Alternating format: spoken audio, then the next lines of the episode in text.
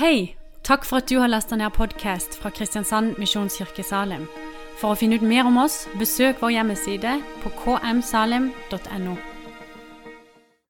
Det skal handle om i formiddag korsets kraft. Og eh, det er kraft i evangeliet om korset. Det er det. Korset er jo sentralt i den kristne troen. Det vet vi som er samlet her i dag. Det er selve symbolet det, på kristendom. Mange kirkebygg er faktisk formet som et kors. F.eks. domkirka, ikke sant? Den er korsformet. Og vi kan vel ikke tenke oss noe kirkerom uten kors. Vi har jo ikke så mange symboler i Salem, da. Men kors, det har vi. Og bare i dette rommet her, tre stykker. Når du kommer inn, så ser du det på veggen. Og på plattforma har vi det. Og når du går ut igjen, så ser du ved utgangsdøra der til venstre har vi også tre kors har vi faktisk i kirkebygget, eller kirkerommet vårt. Og i de skandinaviske landene der er, har vi også korset i flagget. Det forteller mye om historien vår. Mange menn og kvinner blir gjennom historien husket for sitt liv, store menn og store kvinner. Jesus blir vel så mye husket for sin død. De fire første bøkene i Det nye testamentet, evangeliene, er jo egentlig ikke å forstå som eh, uttømmende biografier om Jesu liv. Det er beretninger om hans lidelse, død og oppstandelse med noen korte innledningskapitler. Det er det evangeliene handler om. Hvorfor er budskapet om korset så viktig, da? Jeg skal ta dere med til Romerbrevet kapittel 3, vers 22-25, eh, og der leser vi i Jesu navn. Her er det ingen forskjell, for alle har syndet og mangler Guds herlighet.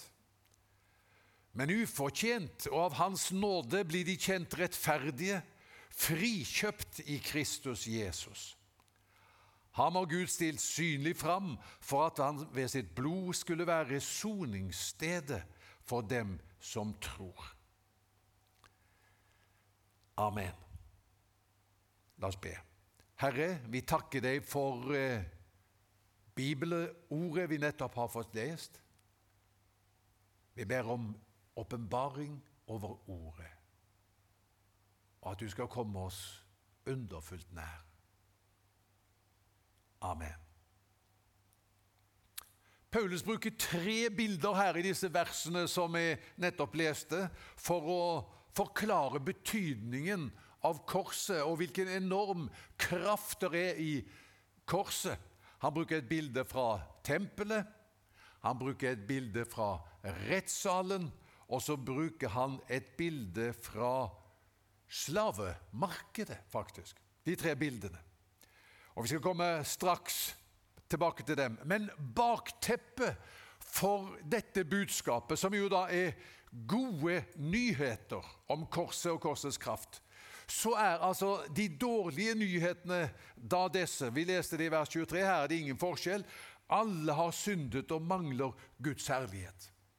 Og Paulus bruker de tre første kapitlene av Romerbrevet på å utdype dette at eh, alle har syndet. Han sier i kapittel 1 at festmennesket på barkrakken, som lever et utsvevende liv, har syndet. Det er Romerbrevet 1. I kapittel 2 sier han det moralsk indignerte mennesket som har satt seg på dommersetet og ser ned på festmennesket på barkrakken. Han sier til dem, 'Du har syndet, du også.' Og i kapittel 3 i Romerbrevet sier han at det religiøse mennesket, representert ved jøden, det religiøse mennesket i kirkebenken, er heller ikke skyldfri. Alle har syndet og mangler Guds herlighet. Det betyr vi er ikke i nærheten, noen av oss, av Guds strålende fullkommenhet. Vi er i samme båt. Og Alvoret i de dårlige nyhetene det er at denne båten som vi alle sammen er i, er et synkende skip. Det er de dårlige nyhetene. Syndens lønn er døden, står det i Romerbrevet 6,23. Hva skal vi gjøre med dette, da? Hæ? Du som er på barkrakken eller i på dommersetet eller i kirkebenken. Hva skal vi gjøre med denne situasjonen? Vi er på et synkende skip. De gode nyhetene er at korsets budskap handler ikke om hva vi skal gjøre. Men det handler om hva Gud har gjort for vår redning. Det er korsets budskap. Og når dette går opp for folk, da blir det en game changer uten sidestykke. Et paradigmeskifte Nå bruker jeg mange fine ord her. Det avgjørende, forvandlende vendepunktet i et menneskeliv finner sted når man erfarer korsets kraft. Augustin, vi husker ham, han levde på 300-tallet. Da han så korsets kraft, sier han, det flommet et klart lys inn i hjertet mitt. Og Da Martin Luther på 1500-tallet fikk eh, liksom, gjenoppdaget evangeliet, så sier han portene til paradis sprang opp for meg. Og da John Wesley på 1700-tallet opplevde, når han fikk evangeliet forklart, Eh, at når dette gikk opp for ham, så sier han mitt hjerte ble strangely warmed. Underfullt varmt. Og i kjølvannet av eh, eh, dette, denne hjertevarmende opplevelsen til Wesley så, så fulgte det en vekkelse som endret England. Så Romerbrevet 3 da, det har dette bakteppet her. Det er dårlige nyheter, både for deg på bakrakken og dommersetet og i kirkebenken. Men de gode nyhetene er at korset gjør noe med vår situasjon. Og Da var det tre bilder som jeg nevnte, fra tempelet, fra rettssalen og fra slavemarkedet. Først av bildet fra tempelet. Vi leste, jeg tar det en gang til, fra vers 25. Eh, ham, altså Jesus, har Gud stilt synlig fram for at han ved sitt blod skulle være soningsstedet for dem som tror. Soning for synd det var jo noe som jødene var veldig fortrolige med. Og I Det gamle testamentet så var det detaljerte instruksjoner for hvordan de skulle gå fram for å stille Guds vrede over synden og bli renset for skyld. Hva skulle de gjøre? Jo, de skulle finne et offerdyr så fullkomment som mulig. Så skulle de legge hendene på offerdyret og bekjenne sine synder på hodet til dette offerdyret. Og det som skjer, det er at de syndene som mennesket bar på, ble overført til dyret. Deretter ble dyret ofret i stedet for mennesket, da, synderen. ikke sant? På den store årlige forsoningsdagen, så gikk øverstepresten inn i det aller helligste. Inn i det innerste rommet der i tempelet med blodet fra offerlammet og stenket det på soningsstedet. På lokket på lovkisten. Dette eneste møbelet som var der inne i det aller helligste, der Gud var. Der stenket han blodet på soningsstedet. Og sånn fant han soning for folkets synder. Og Her sier Paulus i Romerbrevet 3,25 at Jesus ved sitt blod er soningsstedet for dem som tror. For Det nye testamentet er tydelig på at det blodet fra, off, fra dyr det kan ikke ta bort menneskers synder. Det var bare forbilder det, på det som skulle skje en gang da Jesus kom. Jeg la merke til noe. Det er jo interessant å lese Bibelen. man blir aldri utlært. Man oppdager alltid noe nytt. Og jeg elsker Bibelen. Og hjelp, får jeg noe hjelp til å pløye dypere? Nei, Det syns jeg er fantastisk. Og nå skal du høre, Jeg leste nettopp noe som, som jeg syns var fint. Det står i 4. Mosebok 29 om dette med eh, ofringer av dyr i Det gamle testamentet. I 4. Mosebok 29 er det en omtale av løvhyttefesten, denne jødiske høytiden som varte en uke. Trenger ikke gå inn på detaljer der, men poenget er at for hver dag i den uka ble det ofret en mengde dyr. På høytidens første dag ble det ofret 13 unge okser. På den andre dagen i høytiden ble det ofret tolv unge okser. På den tredje dagen elleve. På den neste ti, så ni, så åtte, så syv, og på den siste, den åttende dagen i høytiden, én okse. Det var en reduksjon i antall ofringer fra 13 til 12 til 11 til 10 og ned til 1. Det er som en nedtelling, er det ikke det, da? Som forkynner at det kommer en dag da synd skal sones én gang for alle, og det ikke lenger vil være behov for noe offer for synd. Da jeg leste det, så ble jeg begeistret. Det var det som skjedde da Jesus, Guds lam, døde på korset. Det hadde en kolossal virkning. En gang for alle har han sonet verdens synd. Det heter i 1. Johannes brev kapittel 1 vers 7 Jesu Guds sønns blod renser oss for all synd. Og Det er det eneste skriftstedet kanskje vi har her inne. Jeg vet ikke om vi har noen andre som står på veggen. og Det tror jeg kommer fra det aller første. Jeg er ikke helt sikker. Kanskje noen vet hvor det kommer fra. Det der fine bildet med den litt sånn er det gotisk, iallfall litt sånn gammel skrift. Jesu Kristi, Guds Sønns blod, renser fra all synd, står det i, over utgangsdøra i kirkerommet i Salem. Og Det er fra det første lokalet vi hadde, kanskje nede i Elvegaten, for alt jeg vet. Ja, Carl nikker. Det må være sånn, da. For et budskap! Renser for all synd. I verset etter står det Gud er lys, i ham finnes ikke mørke. Og det slår meg her er en parallell. Det er ikke mørke i Gud. Der er det rent og lyst. Og når Jesu Guds sønns blod renser deg for all synd, da er det ikke mørke der heller. Da er det rent, da er alt lys. Så når det gjelder syndeskyld Jeg må nesten ta fart. Du er like ren som Gud.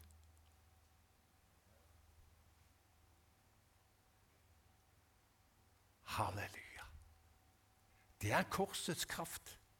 Det er bildet fra tempelet. Så er det dette andre, da, bildet fra rettssalen. La meg lese det en gang til. da, Romerbrevet 3, 23 og 24. For alle har syndet og mangler Guds herlighet. Men ufortjent av Hans nåde blir de kjent rettferdige, frikjøpt i Kristus Jesus. Kjent rettferdige. Ja, det er en juridisk term. Det er et begrep fra rettssalen. Ble du stilt for retten og kjent rettferdig, betydde det at du ble frifunnet. Du var ikke skyldig i det du var anklaget for. Oi, vi holdt på å dømme feil person her. Du er frifunnet. Og mange ganger også fra denne talerstolen. Og ikke, For ikke så lenge siden hadde vi en bibelkveld ute i kafeen her også hadde vi ikke det, da? Hvor, vi, hvor rettferdiggjørelse var eh, tema. Og, og, jeg elsker jo denne definisjonen på hva det betyr å bli kjent rettferdig. Eller rettferdiggjørelse, da, som en annen måte å si det samme på. Rettferdiggjørelse det er en handling av Gud der han en gang for alle avsier kjennelsen ikke skyldig over synderen som tror på Jesus. Det er korsets kraft. Det er en handling av Gud der han en gang for alle Smak på det, jeg har ikke tid til å gå inn på alle, men det er du og du. En gang for alle avsier kjennelsen ikke skyldig over synderen, altså det utgangspunktet skyldige mennesket, som tror på Jesus. Hvordan kan dette henge sammen? At Gud kan avsi kjennelsen ikke skyldig over den som åpenbart er skyldig. Mange av dere kjenner Vidar Christensens sang. Kanskje dere har den på repertoaret, til og med, dere good old boys. For det er jo eh, one of the good old songs etter hvert. Jeg har en venn som har gitt sitt liv. Husker dere den? Hvis vi var riktig frimodige, så sang vi, men så frimodige er vi ikke, kanskje. Iallfall ikke han Geir. Men skal, jeg skal sitere den. Jeg har en venn som har gitt sitt liv for at jeg skal få leve. Det finnes intet alternativ. Det nytter ikke å streve. Fordi jeg lever så milevidt ifra Guds vilje med livet mitt, fikk jeg dommen, slik lød den. Du skal dømmes til døden. Ikke sant? Så heter det i det andre verset denne dommen er absolutt, og jeg kan ikke anke.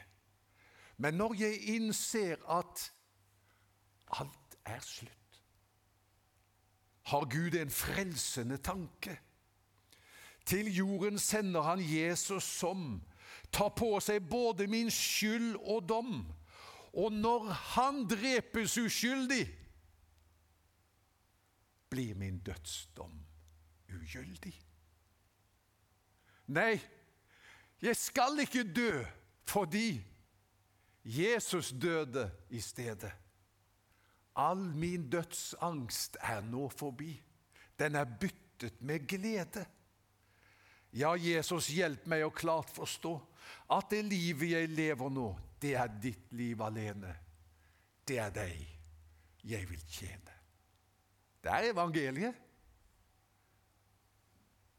Det er korsets kraft. Og det er to sider som vi må ha klart for oss. Og Av og til tror jeg at vi kanskje bare har oppfattet den ene siden av dette å bli kjent rettferdig i dommen, dere. Altså når Gud avsier kjennelsen over livet vårt ikke skyldig. ikke sant? Så er det to sider ved dette å bli kjent rettferdig. På den ene siden er det da sånn at dine synder det onde du har gjort, blir tatt bort. Det har jeg allerede forklart. Men det er bare halvparten av de gode nyhetene. Den andre halvparten av det som skjer, er dette Hør. At Jesu fullkomne rettferdighet blir godskrevet deg. Det betyr alt det gode og barmhjertige og sanne og kjærlige Jesus gjorde i livet sitt, det blir kreditert deg og ført så å si over på din konto. Det gjelder som ditt. Så ikke bare er det syndene som er tatt bort, men Jesu fullkomne, kjærlige liv. Se for deg hvordan han levde, og alt det gode han gjorde, og alt det han betydde. Det er godskrevet deg. What? Det er nå din nye status og stilling hos Gud. Det betyr ikke at eh, i hverdagen, i det praktiske, så er vi fullkomment og i mål. Vi har mye å strekke oss etter. Det står i romerbrevet at eh, Gud rettferdiggjør den ugudelige. Så her skjønner vi at her handler det om en stilling og status. som du får. Og den stillingen og statusen som vi altså får hos Gud pga. Eh, det Jesus gjorde for oss ved sin død oppstandelse, det er at eh, våre synder blir tatt bort. Det er det ene, ja. Og Jesu fullkomne liv og gode liv og kjærlige liv blir godskrevet deg. Her er vi. Det er sant, en sannhet om deg og meg.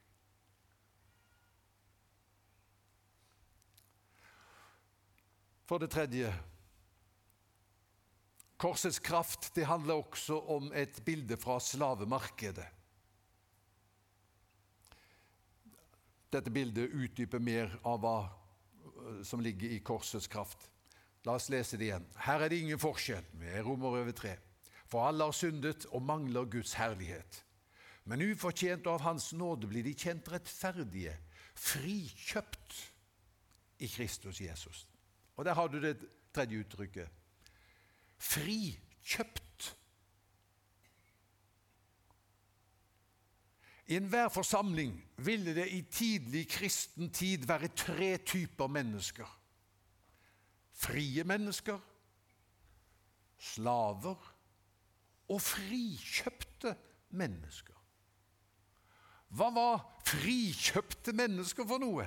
Jo, det var mennesker som hadde vært slaver, men nå var blitt frie fordi noen, ja, det ligger i ordets betydning, hadde kjøpt dem fri. Noen kom inn på slavemarkedet, betalte prisen for dem, og så satte de dem fri etterpå. Dermed var de i kategorien frikjøpte. Og det var dette Jesus kom for å gjøre, sier han i Markus 10,45. Menneskesønnen er ikke kommet for å la seg tjene, men for selv å tjene og gi sitt liv som løsepenge for mange. Da Jesus døde, ga han sitt liv som en løsepenge. Han kjøpte oss fri. Fordi sannheten om oss er at vi er ikke bare skyldige pga. vår synd og trenger tilgivelse, men vi er også slaver pga. vår synd, og vi har eh, lagt oss til vaner, vi er bundet av handlingssett og en eh, livsstil som ikke er i samklang med det som var Guds standard og Guds plan for oss. Og Da Jesus kom, så sletta han gjelden, men han kjøper oss også fri til å få del i et nytt liv. Og Da har jeg eh, med glede lest 1. Peters brev i det siste. Og eh, jeg må si at det, det er et utrolig fint brev. og Nå skal jeg bare ta kapittel 1, der han da sier vers 18. Dere vet at det ikke var med forgjengelige ting som sølv eller gull dere ble kjøpt fri fra det tomme livet dere overtok fra fedrene. Det var med Kristi dyrebare blod, blodet av et lam uten feil og lyte. Han sier, da Jesus døde, ble du kjøpt fri fra noe. Hva ble vi kjøpt fri fra? Det tomme livet vi overtok fra fedrene. Hva er det for noe? Hva er det for et tomt liv vi har overtatt fra fedrene? Ja, Det er en veldig interessant setning, det der. Ja, jeg har sjekka hva tom betyr. Og et tomt liv er et kraftløst liv. Et unyttig og ufruktbart liv. Et liv uten mål og mening. Et liv som for alle praktiske formål er gudløst. Det kjøpte Jesus deg fri fra det kraftløse livet, det ufruktbare livet, livet uten mål og mening, livet som egentlig ikke hadde plass for Gud. Vi er kjøpt fri fra det. Og Jeg husker det altså så godt da jeg ble en kristen. Og igjen, Good Old Boys, den kan dere jo, vet du. Når vi sang, vet du, når vi var nyfrelste, både jeg og du. Han grep meg. Ja, han grep meg, sang vi da. Husker dere det? Og da heter det i et av versene 'Nå'. Og jeg, Da sang jeg av hjerteslyst. Og nå er jeg 66 år, og det stemmer fortsatt. Nå har livet mål og mening. Glad jeg Herren tjener vil. Alt til Jesus overgir jeg, og blir hva Han bestemte meg til. Ikke sant? Kjøpt fri fra noe for å gå inn i noe helt annet, som er så mye, mye bedre. Og Legg merke til bruddet med generasjonssynder. Han sier det tomme livet dere overtok fra fedrene. Du har jo hørt uttrykket 'som far, så sønn'.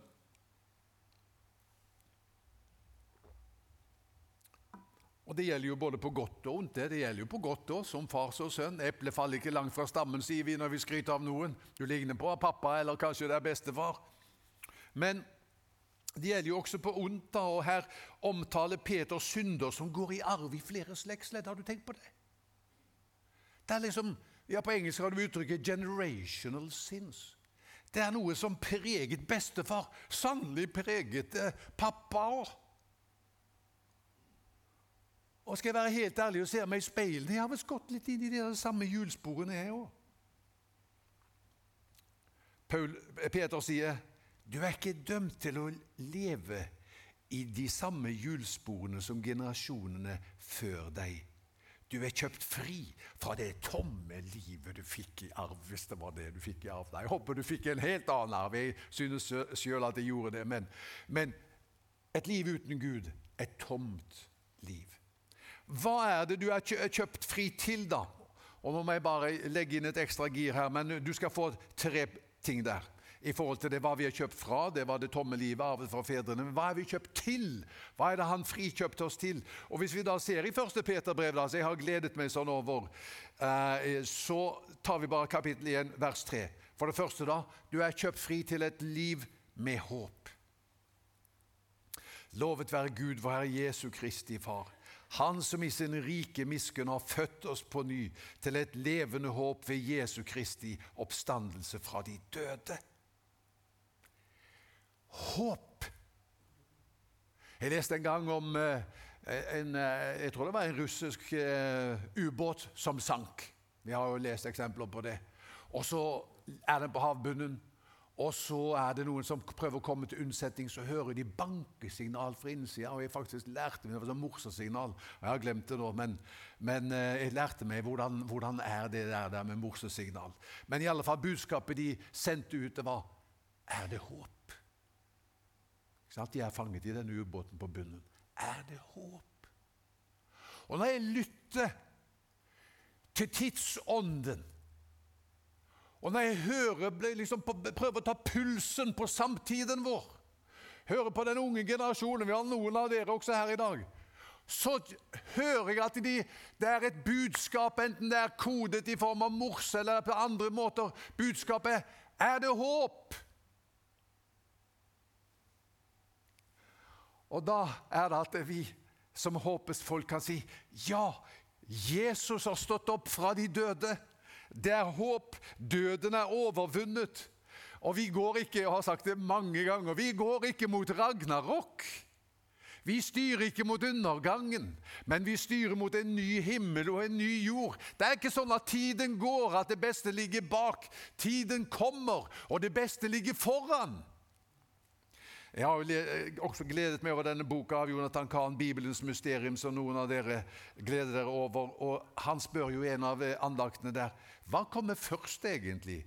Er det dag eller natt?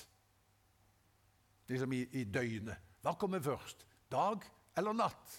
Ja, Vi er jo vant med å tenke ja, dagen kommer selvsagt først, og når dagen er over, så kommer natten. Og så er det fort at vi har en tankegang som gjør at bare den der eh, vekslingen der, denne døgnrytmen, det kan være som en metafor på livet. Der mange tenker at utviklingen går fra lys til mørke. At vi beveger oss fra ungdom til alderdom. Fra styrke til svakhet. Fra pluss til minus. Er ikke det utviklingen? Bibelen sier Dagen er ikke det første. Det er det natten som er. Og det vet vi i jødisk og bibelsk tankegang. Dagen begynner Når begynner dagen? Ved Hanegal? Nei, nei, nei. Dagen begynner ikke ved Hanegal. Dagen begynner ved solnedgang. Selvsagt gjør den det. Dagen begynner ved solnedgang. Så går døgnet sånn, da. Det er kveld, det er natt, det er morgen, og så er det dag. Ja, sier du, stemmer det? Ja, det stemmer. Les Første Mosebok kapittel 1 og vers 5 fra skapelsesberetningen, der den første dagen på jorden blir beskrevet som dette. Og det ble kveld, og det ble morgen første dag. Hæ? Er det fantastisk? Det ble kveld, og det ble morgen, og det ble første dag. Så det er ikke sant at det går fra pluss til minus, og fra mørke til lys, og fra styrke til svakhet. Men ja, Nå var det en liten feil inni der, hørte jeg. Men du skjønte poenget. Det går fra mørke til lys. Det var det som var riktig. Fra svakhet til styrke. Fra fortvilelse til håp. Snakker jeg til noen som er fortvilet? Tenker du løpet er kjørt? Det går fra fortvilelse til håp, fra skyld til uskyld, fra tårer til glede, fra minus til pluss. The best is yet to come. Ja, og jeg må kjøre på litt her. Jeg har mer på hjertet. Klarer dere litt til? Jeg er så begeistret i dag for at jeg får forkynne om korsets kraft. skal du høre her. For det andre, vet du, du er altså kjøpt fri fra et tomt liv til et liv med håp. Og det må vi dele med, med verden. For det andre, du er kjøpt fri fra et tomt liv til et liv med glede. Mange unge opplever utenforskap. Fevennen 27. mars står det over hele første siden. Denne unge jenta, jeg husker ikke riktig hvor gammel hun var, men, men en representant for alle de som kjenner at de har falt utenfor i livet, og hun sier følgende Jeg lengter etter å være glad. Ja. Jeg kan, også at jeg, husker, jeg kan huske at jeg også kjente på det da jeg var en ung mann og var på fest. Eller gikk på gata i Haugesund en, en lørdagskveld. Jeg lengter etter å være glad. Så sier Peter, du er kjøpt fri fra det tomme livet du arver fra fedrene. Og så skal du høre hva du har fått del i for en glede. Han sier i vers 6 i, i kapittel 1.: Derfor kan dere juble av glede, selv om det nå en kort tid, om så må være, har det tungt i mange slags prøvelser.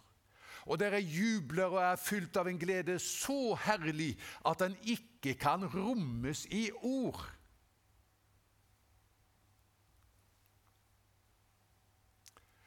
En mann hadde en andakt en gang, og, eh, og den eh, Overskriften var 'Sorger og gleder'. Og eh, innholdet i andakten var rett og slett som vi sier nå sorger og gleder. Sorger og gleder. Sorger og gleder. Sorger og gleder. Slik er livet. Amen. Ja, ja, én ting husker de fra den andakten, og det er at livet det består av sorger og gleder. Det som vi kanskje tenker, det er at det, det er sånn at det veksler. At det først er det sorg, og så blir det glede, og så er det sorg, og så er det glede. Og at det er denne vekselvirkningen. Men jo lenger jeg har lest, så skjønner så skjønner jeg at det er ikke sånn at dette uh, avløser hverandre, liksom som uh, ulike vogner på et tog. Men det er en samtidighet i det. Samtidig som det er sorger, så er det gleder. Han sier, 'Dere jubler av glede.' Ja, det har del i en glede så herlig at det ikke kan rommes i ord. Selv om dere nå har det tungt i mange slags prøvelser. Oi! Hvordan går det an?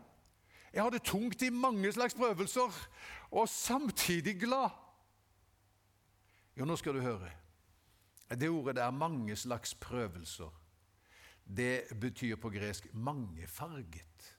Mangefargede prøvelser. Og prøvelser og sorger kommer til oss i ulike varianter og fasonger.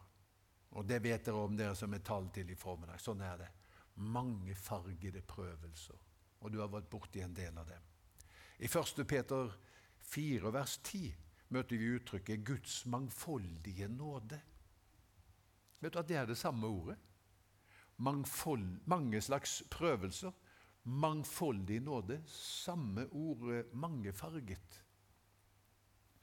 Så Det som Peter vil si med det, er at eh, ok, du møter mangefargede prøvelser, men samtidig som du opplever et liv med mangefargede prøvelser, så er det også en mangefarget nåde. For hver valør av prøvelse du er i, så er det en tilsvarende valør hos Gud, en farge som kompenserer, og som møter det behovet du har, slik at du midt i prøvelsen kan kjenne på dypt der inne, kanskje nesten på trass, så er det et halleluja som vokser fram, for du vet jeg er ikke alene, men Gud er med meg. Hun var prøvd, Lina Sandell, i mange ting så skapte hun også noe av det vakreste som finnes av sanger. da. Og så har hun denne, denne strofen, eller dette verset i salmen 'Blått en dag'. Der synger hun Skjelv han er meg alle dager næra. Før var særskilt tid med særskilt nåd. Varje dags bekymmer vil han bæra han som heter både kraft og råd. Altså, for hver særskilt tid er det hos Gud en særskilt nåde. Og han vil bære hver dags bekymring som du har, han som er hos deg, og som heter kraft og nåde. Derfor kan vi oppleve jeg er kjøpt fri fra det tomme livet. Og så har jeg fått del i en glede. Ja, den uttrykker seg litt forskjellig, men den er der jo. Hele tiden mer og mindre sterkt. Det er du vet, fred og glede. Det er tvillingvelsignelse, og det er liksom to sider av samme mynt, og de er så nær hverandre. Så fred, det er glede som hviler. Og glede, det er fred som danser. Så noen ganger er det sånn at gleden i livet ditt uttrykker seg mest som fred, og du hviler, men den er der jo, freden. Og noen ganger er det sånn at freden uttrykker seg som hoppende glede. Det er det livet du er kalt til. Jeg hadde et punkt til, men jeg ser jo det at det rekker rett og slett ikke. Men jeg tror jeg skal tale mer i eh, Eh, utover våren. Så får, vi får se hva jeg kommer tilbake til. Men Jeg hadde et, et veldig bra punkt til, men jeg har ikke verken tid eller krefter til det. jeg.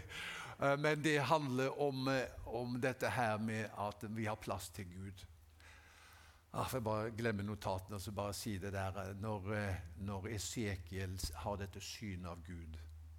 For, det, for Peter sier jo da at, at uh, han sier, det, det, tredje punktet mitt var han som kalte dere hellig, slik skal også dere være hellige i all deres ferd. For det står skrevet dere skal være hellige, for jeg er hellig. 1. Peter 1,15. Altså du er frelst fra et tomt liv til et liv i hellighet. Og eh, Ja, jeg bare gir det lynraskt. Da Esekiel har dette synet av Guds herlighet, så har ikke han ord for å beskrive det han ser. Kapittel 1, Esekiel. Han ser Guds hellighet. Han ser Guds herlighet. Han sier 'Jeg har ikke ord'. Det er som, eh, det du har en, fått en dommerfløyte å spille med, og så skal du spille Beethovens sjette symfoni. Det går ikke med dommerfløyta. Jeg kan ikke beskrive det jeg ser. Men han beskriver Gud. Åh, han sier over hvelvingen som var over hodet på disse englene, var det noe som så ut som safirstein. Det var ikke safirstein, men jeg har ikke ord for å si det. sier han. Og noe som lignet en trone. Jeg har ikke sett en sånn trone, men det lignet en trone. Og på tronen satt det en som var lik et menneske av utseende. Fra det som syntes å være hoftene Det var jo ikke hoftene, men hva skal jeg si? Det så ut som hofter. Så jeg noe som lignet skinnende metall. Det var ikke det, men det var sånn det så ut. Sånn gikk det. Nå kan jeg i alle fall ikke se det som står her.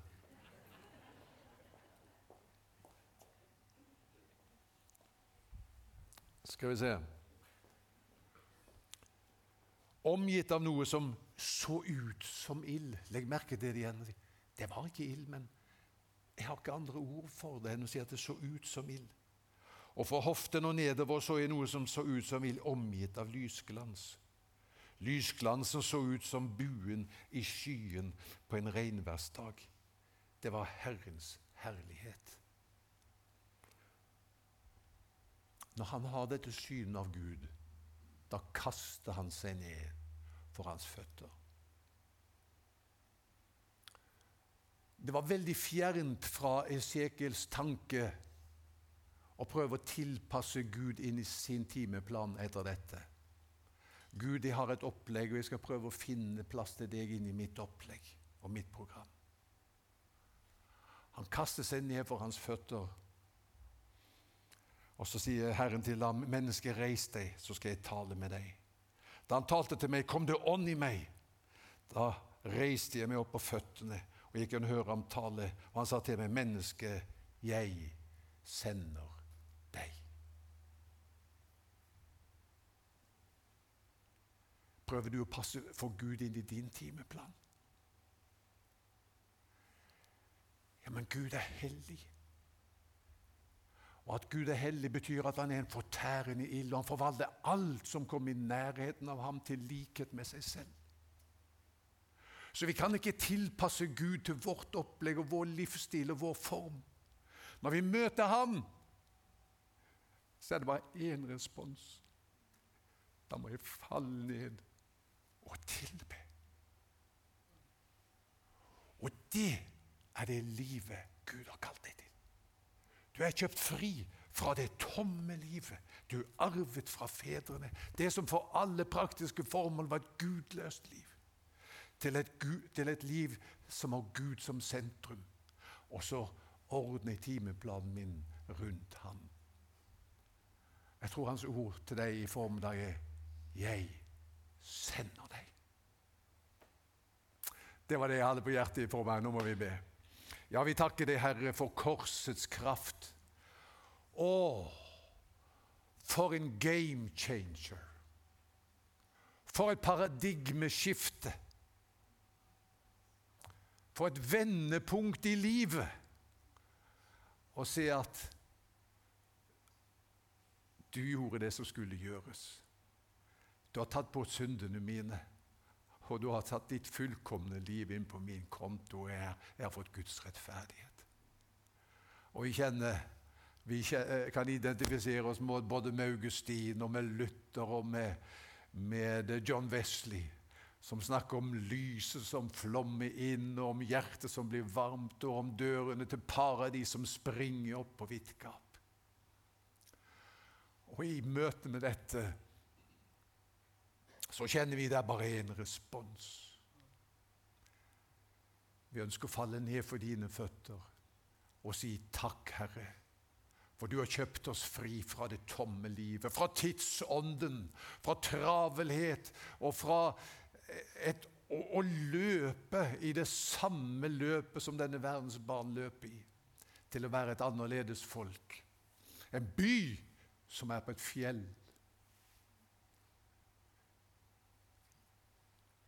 Vi priser det Herre, for du kaller Salem til å være en by på et fjell. Som lyser, som skinner, som andre kan komme til som, grip, som, er slik at menneskene i Kristiansand griper tak i jakka di, så kan de få gå med deg der som du går for. Jeg har hørt at Gud er med deg. Vi priser deg, Herre, for det som ligger foran. Takk at vi går ikke fra pluss til minus,